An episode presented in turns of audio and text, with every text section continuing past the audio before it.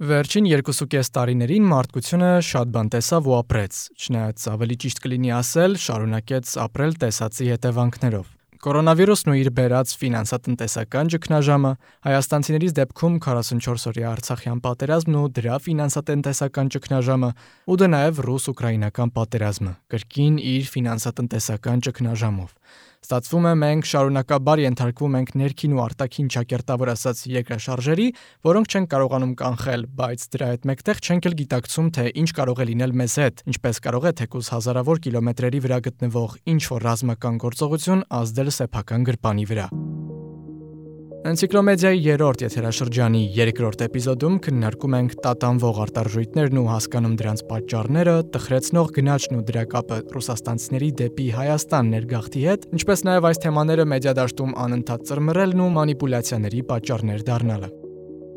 Այս էպիզոդը ոչ այնքան մեդիայի, որքան ֆինանսական գրագիտության, բանկային եւ տնտեսական տեղեկությունների մասին է, որտեղ գերակշռում է բացատրական տարը։ Այդ բացատրությունները տալիս է ACSES վերլուծական կենտրոնի ղեկավար տնտեսագետ Հայկ Ասֆանյանը։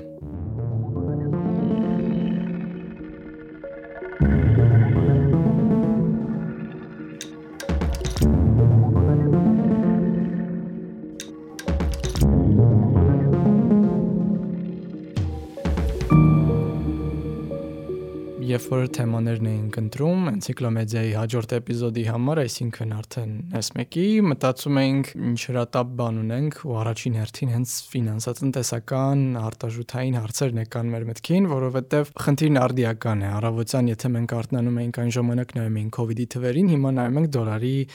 կուրսին։ Կարծում արդեն նորից սկսել ենք նայել COVID-ի թվերը։ Հա, ցավոք սրտի։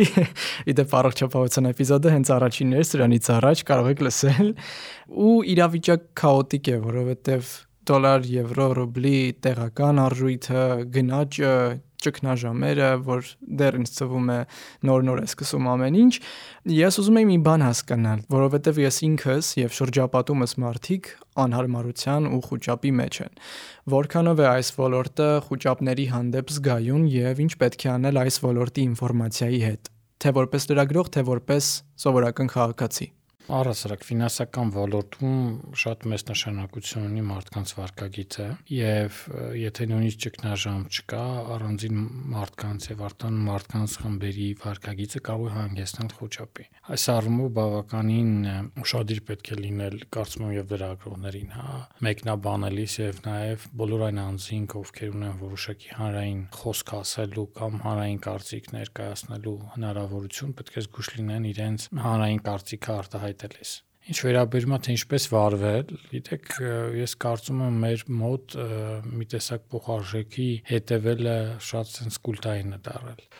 մի քանի տարի առաջ օրինակ դա շատ ավելի էր, երբ որ մարդիկ նույնիսկ շատ փոքր խնայողություններ ունեին, օրինակ 300 կամ 500 դոլար եւ ամեն անգամ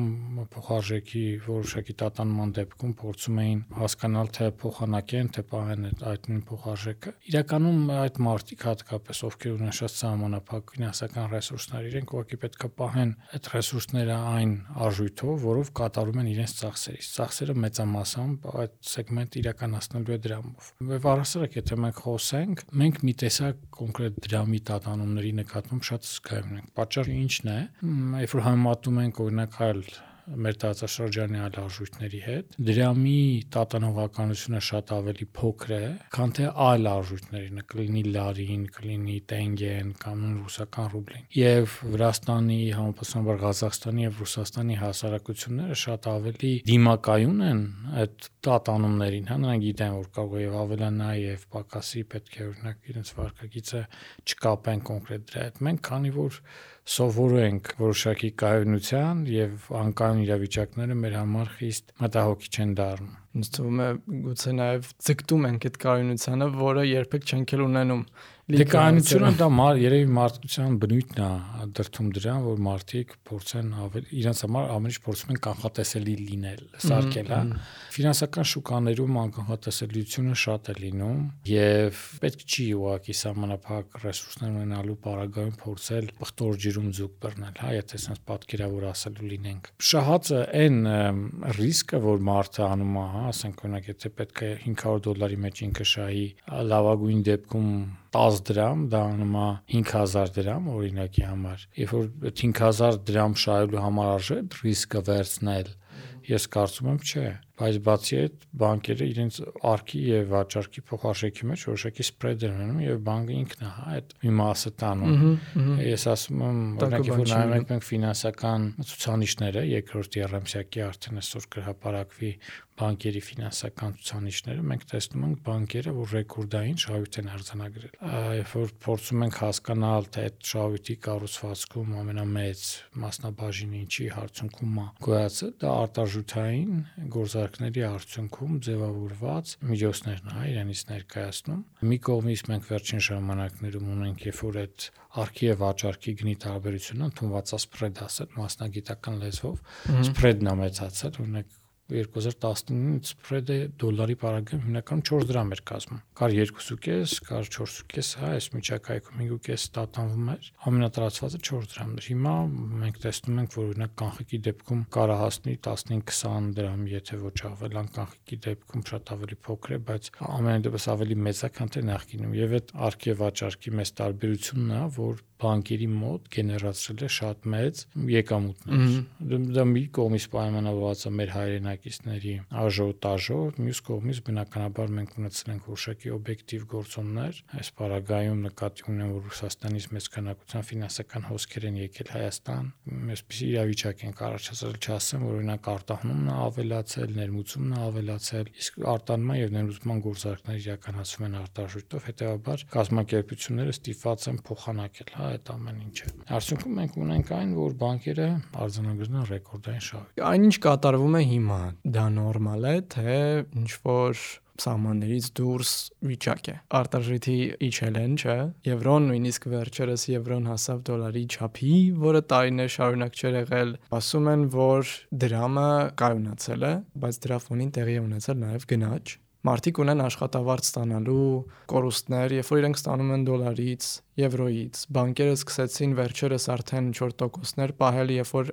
կանխիկացնում ես օրինակ եվրոյից։ Ձեր հարցը երևի բաժանեմ մի քանի հատվածների։ Նախ պետք է նշեմ, որ ամբողջ աշխարհում տեղի է ունեցել դոլարի արժևորում, եթե մեր մոտ տեղի է ունենում արժեզրկում, ամբողջ աշխարհում տեղի է ունեցել արժևորում։ Տարբեր երկրներում տարբեր չափի։ Դա պայմանավորված է ինչով։ Ճգնաժամային պայմաններում մարդիկ դոլարի նկատմամբ ավելի մեծ վստահություն ունեն, քան թե այլ արտարժույթների։ Բացի այդ, համաշխարհային նաև ֆոնդային շուկաներում, ֆոնդային բորսաներում, հա, ԱՄՆ դրամավարկային քաղաքականություններ մի այդպիսի վարում կոչվում է quantitative easing, կդժվարանամ հայերեն ասել ինչ է նշանակում։ Երբ որ Fed-ը COVID-19-ի ճգնաժամի պայմաններում մեծ քանակությամբ կազմակերպությունների բաժնետոմսեր ձեռք բերում, այսինքն դոլարեր ներարկում շուկա։ Հետագայում սկսեցին այդ արժեթղթերը վաճառել եւ դոլարը հավաքել շուկայի։ Սա հենց ԱՄՆ-ին ներսում որոշակի խթան էր, որպիսի դոլարը ինքը ինքը որպես այդպեսին այլ շուկաների համեմատ դոլարը արժևորվի։ Մյուս կողմից ես նշեցի ճգնաժամային պայմաններում ստիպված են մարդիկ ավելի շատ են վստահում դոլարին, քան թե այլ արժույթներին։ Դրա դասական օրինակը եվրոն է այսօր ռուս-ուկրաինական պատերազմի արդյունքում Եվրոպան շատ ավելի մեծ տնտեսական զրկանքներ է կրում, քան թե ԱՄՆ-ն եւ շատերը փորձում են իրենց միջոցները փոխարկել դոլարի, վստահելով դոլարին ավելի շատ, քան թե եվրոին։ Այսօր երբ որ մենք տեսնում ենք եվրոյի փոխարժեքը նույնիսկ Հայաստանում շատ ավելի ցածր է, քան թե դոլարին է։ Դա խոսում է այն մասին, որ վստահությունը եվրոյի նկատմամբ քիչ է առհասարակ ոչ միայն եվրոյի։ Վերջերս New York Times-ը մի հոդված է հրապարակել, որ համեմատել էր տարեսկզբից սկսած ինչ փոփոխություններ ա տեղի ունեցել դոլարի եւ այլ արժույթների հետ, չգիտեմ, մեքսիկական պեսոից սկսած մինչեւ եվրո, արաբական միացյալ էմիրությունների դինար եւ այլն։ Բոլոր երկրների ազգային արժույթները արժեզրկվել են դոլարի նկատմամբ, այսինքն դոլարը արժևորվել է։ Ռուսաստանում եւ նաեւ մեր մոտ հակառակ գործընթացն է տեղի ունեցել։ Հայաստանի շուկայում դոլարը արժե զրկվել է, այսինքն դրամը արժևորվել է, ինչպես ռուսական ռուբլին է արժևորվել։ Մենք միջպատերազմական ժամանակաշրջանի համեմատ, երբ որ 75-80 միջակայքում էր տարածվում, հիմա մենք տեսնում ենք օրինակ վերջերս 65, դրանից առաջ մինչև 55 հասել։ Դա իհարկե այլ գործոններով է պայմանավորված։ Հայաստանի պարագայում հիմնականում մեծ քանակությամբ արտաժրտի ներհոսք Հայաստան տեղի ունեցավ։ ՏՏ ոլորտի կազմակերպությունները, որոնք վերատեղակայվել են Հայաստանում, իրենց միջոցները ստանում են ռուսական ռուբլով եւ Հայաստանը վճարումը պետք է կատարեն դրամով, որտեղ մեր մոտ պահանջներ կա եւ այն մարտիկ, ովքեր Ռուսաստանից տեղափոխվել են Հայաստան, իրենք բավականին գնողունակ պահանջարկ ունեն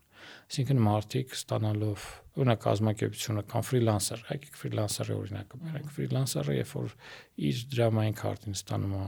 դոլար, ստիփացա փոխարկել դրամ, վճարել դրանով օրինակ տան վարձ, գնումներ կատարել սուպերմարկետում եւ այլն։ Եվ այդ մարդկանց քանակական արդյոք թիվը որոշակի ազդեցություն ունենում։ Էլ չասեմ, օրինակ Ռուսաստանից Հայաստան ֆիզիկական անձանց անունով կատարված փոխանցումները էլի ռեկորդային ցուցանիշ ենք մենք ունեցել Օրինակ, այս տարվա առաջին 5 ամիսներին նախորդ տարվա նույն ժամանակահատվածում համեմատ մենք ունենք 70% աճ, դոլարային արտադրությամբ 70% աճ։ Սա հսկայական աճ է իրանից ներկայացնում։ Բայց հիմնական դրամի արժևորման վրա ամենամեծ ազդեցությունն է ռուսական ռուբլին։ Ռուսական ռուբլին եւ դրամը որոշակիորեն կորելացված են, այսինքն կապված են իրար հետ, երբ ռուսական ռուբլին արժևորվում է, արժևորվում է նաեւ դրամը ինչպես Հայաստանում, այնպես է Ռուսաստանում, հա երկու կառույց պետք է տարբերակենք։ Ֆինանսների նախարարությունը, որոնք խնդիր ունեն բյուջեի կատարողական ապահովելու, իսկ Ռուսաստանում բյուջեի եկամուտների մեծ մասը ձևավորվում է արտարժութով բայց մյուս կողմից կա Ռուսաստանի կենտրոնական բանկը,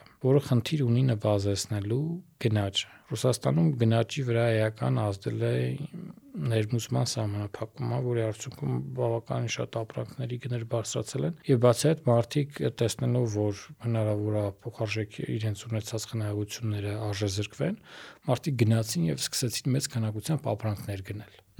երկրաժամկետ օգտագործման, օրինակ սառնարան, հեռուստացույց, մեքենա, որի արդյունքում բնականաբար տեղ ունեցավ հավելել գնաճ 17%։ Նույն իրավիճակը մեզ մոտ է։ Եթե կենտրոնական բանկը իր դրամավարկային քաղաքականությամբ նպաստի, որ դրամը արժե զրկվի, այսինքն օրինակ դառնա 480 դոլարի նկատմամբ։ Մենք միգուցե կունենանք ոչ թե 10.3% գնաճ, ինչ ունեցել ենք հունիսին, նախորդ տարվա հունիսի համեմատ, այլ միգուցե մենք կունենանք 15-16% գնաճ։ Այստեղ կենտրոնական բանկը ունի երկընտրանք կոպիտ ասած դրամավարկային քաղաքականությունը ինքը այնպեսին է պատկերացրեք ինքը ոնց որ հրետանի լինի ինքը թիրախային կոնկրետ ՏՏ ոլորտի համար չի կարող ազդել, կարծում եմ բոլորի վրա։ Այդ գործիքի էությունը դրանում է կայանում։ Երբ որ տեղի ունենում բարձրացում, դրա արդյունքում նաև տուժում է տնտեսական աճը։ Երբ որ մարդիկ դժվարանում են վարկ վերցնել օրինակ իրենց բիզնեսը զարգացնել, բնականաբար դրանից տնտեսությունը տուժում է։ Առհասարակ կամ եթե բարձրացնում են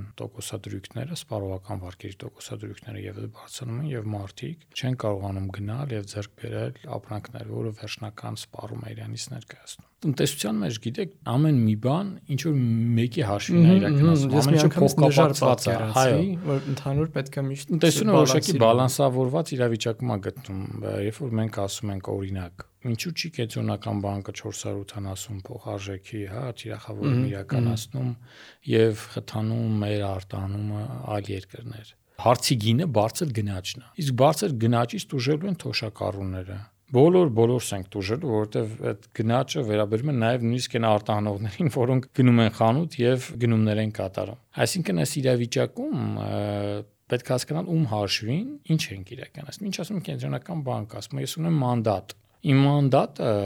գնաճ թիրախավորելն է։ Ինձ ոչ մեկ չի ասել, օրինակ, եկեք թոշակառուների հաշվին խթանենք մեր արտանում։ Ինձ այդպիսի մանդատ ոչ մեկ չի տվել։ Ինձ ասում են, ինձ ասել են, պահես գնաճը, ես փորձում եմ պահել։ Իհարկե չի ստացվում կամ որոշակի օբյեկտիվ պատճառներ, որ ամբողջ աշխարհում առաջարկի արժեշքթաներում, այդ supply chain-երում մենք ունենք խնդիրներ եւ ապրանքների գները բարձրանում են Պարզ բան ծորենի հետ կապված, հա, Ուկրաինայից կա արտանման խնդիրներ։ Ճիշտ է, մենք կոնկրետ մեր երկրում չենք զգում, որտեղ Ռուսաստանից ենք ներկրում, բայց օրինակ ամբողջ աշխարհում գազի գրի բարձրացման արդյունքում բոլոր ապրանքների գները ավելացել է, ասենք Լատվիայում 19.7%-ի հասնում գնաճը մենք չենք պատկերացնում այդ 19.7% գնաճը, իրանից ինչ է ներկայացնում։ Մենք խոսում ենք բարձր գնաճի մասին, բողոքում ենք։ Մեր կենտրոնական բանկի աշխատակիցներից մեկը մի անգամ այսպեսի բան ասաց, ասաց գնաճը նման է մարդու առողջությանը, հա գների կանոնությունը նման է մարդու առողջությանը երբ որ այդ գները լինում են կանոն մակարդակին, մենք ուշադրություն չենք դարձնում։ Ու չենք գնահատում։ Ու չենք գնահատում, բայց հենց որ կորցնում ենք, սկսում ենք գնահատել եւ բողոքել ինչու չունենք։ Հիմի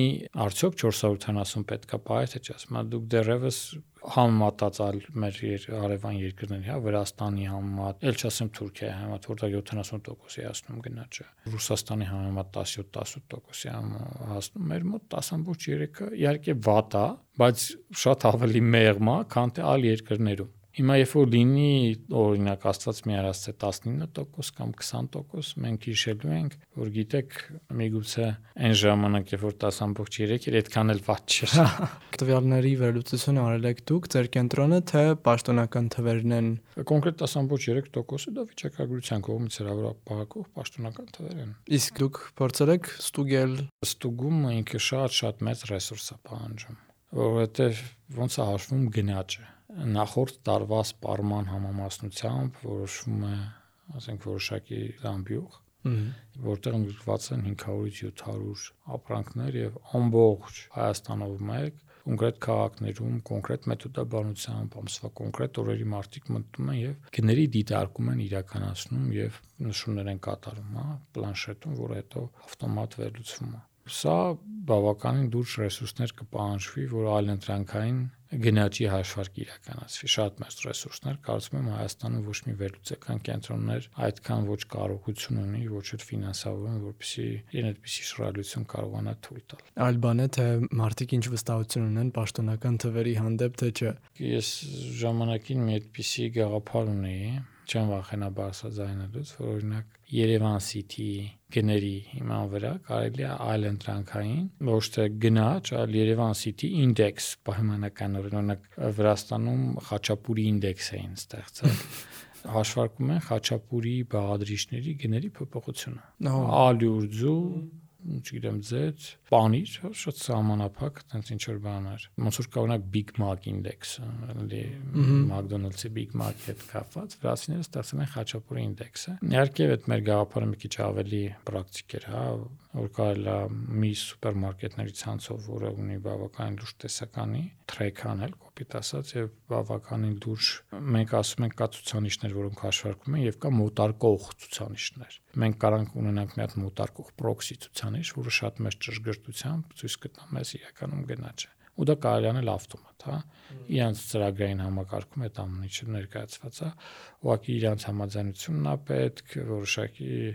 բավականին լուրջ է, այսպես ասած, բացատրելու կարևորություն ներկայացնելու խնդիր կա, բայց չգիտեմ, ոնց են ասում, դերևս ձեռքներս չի ասել այդտեղ կամ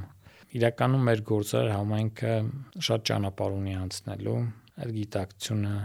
ձեռք բերելու համար մենք ամբողջ աշխարհում խոսում ենք բաց տվյալների մասին Այսօր խոսում ենք Amazon-ի մասին, չգիտեմ, recommendation այդ ալգորիթմների մասին, բոլորս գնում ենք անում, ես ինչ որ ապրանքներ recommend անում։ Շատ բան, շատ ինֆորմացիա կարելի է ունենալ նույն ստանալ սուպերմարկետներից։ Իրանք որևէ լրացուցիչ ջանք չեն անելու, ծրագրում այդ ամեն ինչը կա, ուղղակի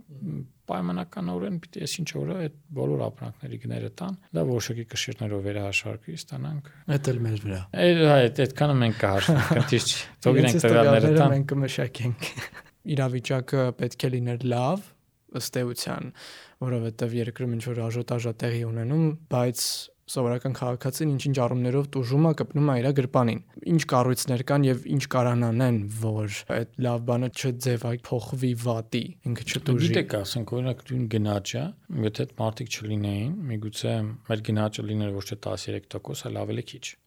որտեղ այդ մարտիկ տեղափոխվելով Հայաստան, հա, իրանք էլ մեր հետ միասին գնում են եւ ձեռք են բերում որոշակի ապրանքներ, իսկ ապրանքների քանակությունը սահմանափակ է, արդյունքում գնաճ առաջանում։ Որոշ մարտիկ շահում են, որոշները դժում։ Դա էլ տնտեսագիտության մեջ միշտ ինչ որ մարտիկ շահում են, ինչ որ մարտիկ դժում։ Շատ քիչ են դեպքերը եւ բոլոր կողմերը շահում են։ Հիմա օրինակ վարչատուները շահում են շատ մեծ ձևով, հա, մնացածները ով չունեն այդ հնարավորությունները։ Մենք այդ գնաճի հետևանքներն ենք մեր վրա կրում։ Ես կոնկրետ չեմ տեսնում որևէ կառույց, ինքս չեմ տեսնում որևէ կառույց, որը կարող է միջամտել եւ որոշակի բաներ անել։ Սա պետք է ընդունել որպես փաստ։ Ռուսական հայտնի ասացքի նման ասում են լյուբիշ կատած լյուբի սանկի վազից։ Հիմա այսի որոշակի են բացական բաներն է, որ մենք կրում ենք։ Եթե մեր տնտեսությունը այսօր աճում է, եկեք արդար լինենք, էլի մենք տեսնում ենք առաջի 5 ամսում ունեցել ենք 10.8% տնտեսական ակտիվության ցուցանիշի աճ։ Այդպիսի աճ մենք մեր լավագույն երհասներում նույնիսկ չենք կարող տեսնել։ Երկնիշ աճի մասին է խոսքը գնում։ Միգուցե հունիսին շատ ավելի շատ լինի եւ մենք առաջի կիսամյակը փակենք երկնիշ տնտեսական աճով։ Եկամուտների բաշխվածությունը փոփոխվում է, կոպիտ ասած հարուստները ավելի են հարստանում, աղքատները ավելի են հարստանում, եթե այն վարձատուն ուներ բնակարաններ, տալիս էր, ստանում էր ամսական 150000 դրամ, հիմա ինքը ստանում ամսական 300000 դրամ, իսկ այն վարձակալը, որ հազիվ ձգում էր 150000 դրամ տալու, ինքը ստիպված է,